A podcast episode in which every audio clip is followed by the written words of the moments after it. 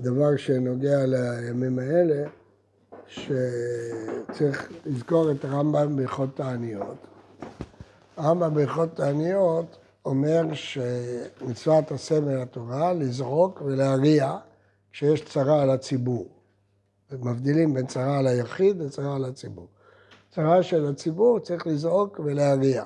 למרות שבתורה כתוב רק והריעותם בחצוצרות, הרמב"ם אומר גם בספר המצוות, גם במשנה תורה, שהמצווה היא לזרוק ולהריע. כלומר שהחצוצרות זה רק כלי שמעורר את הצעקה.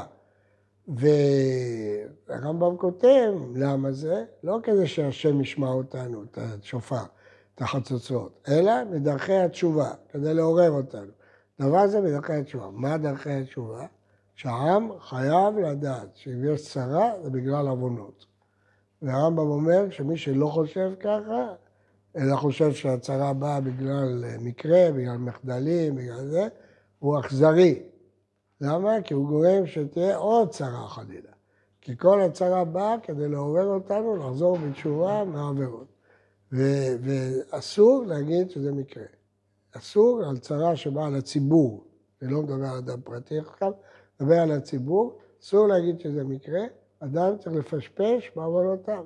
כל ציבור צריך לפשפש בעוונותיו, כי זה צרה שבאה לציבור, וצריך לחזור בתשובה. זה חלק מהמטרה של צרה שבאה לעם ישראל, כדי שיחזרו בתשובה, הקדוש ברוך הוא ישמע ויסלח להם, וזה חלק מה, מהחיוב בהלכות תעניות, שכותב הרמב"ם. דין אחר שמצווה אחרת בתורה, אל תראו ואל תארצו ואל תחפזו מפניהם, לפי הרמב"ם זה מצוות עשה, לא תעשה. לפי הראשונים האחרים זה הבטחה, זה לא מצווה. לפי הרמב"ם זאת מצווה, מאחר שייכנס בקשרי המלחמה, לא יירא ולא יפחד, לא יחשוב לא באשתו ולא בבניו, ויפנה את מחשבתו למלחמה, וכל מי שמבהיל את עצמו במלחמה, הרי כל דמי ישראל תלויים בצווארו, ועובר על לא תעשה, לא תראה, לפי הרמב"ם. העולם שואלים על הרמב"ם, איך הוא יכול לצוות לא לפחות? פחד זה טבעי במלחמה, אדם פוחד במלחמה. אז יש לזה שלוש תשובות.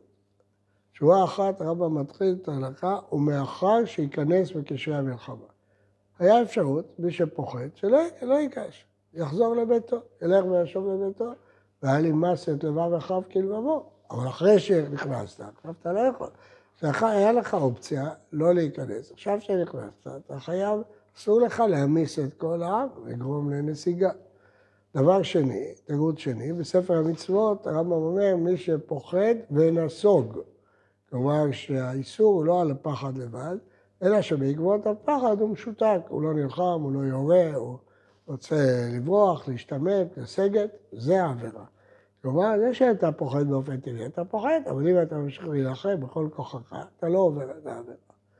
הדבר השלישי זה הרמב"ם במשנה תורה, אומר בפירוש, כל המבהיל את עצמו ומחשב מה יהיה איתי, מה יהיה עם המשפחה שלי, מה יקרה לעם, מה יהיה, יורים טילים, הוא מבהיל את עצמו, הוא עובר ולא תעשה. זה שאתה פוחד, אתה פוחד, אבל אתה לא צריך לייצר פניקה והיסטריה. יש הבדל בין פחד לבין פניקה. והדבר הזה נכון גם בעורף. אדם פוחד, יכול לפחוד לעצמו, אבל לא להבהיל אחרים. ההבהלה הזאת היא גורמת לנסיגה, ונסיגה גורם לכישלון. אסור להבהיל את העם. ולכן צריך מאוד מאוד להיזהר בזה, גם בעורף, אבל קל וחומר בחזית.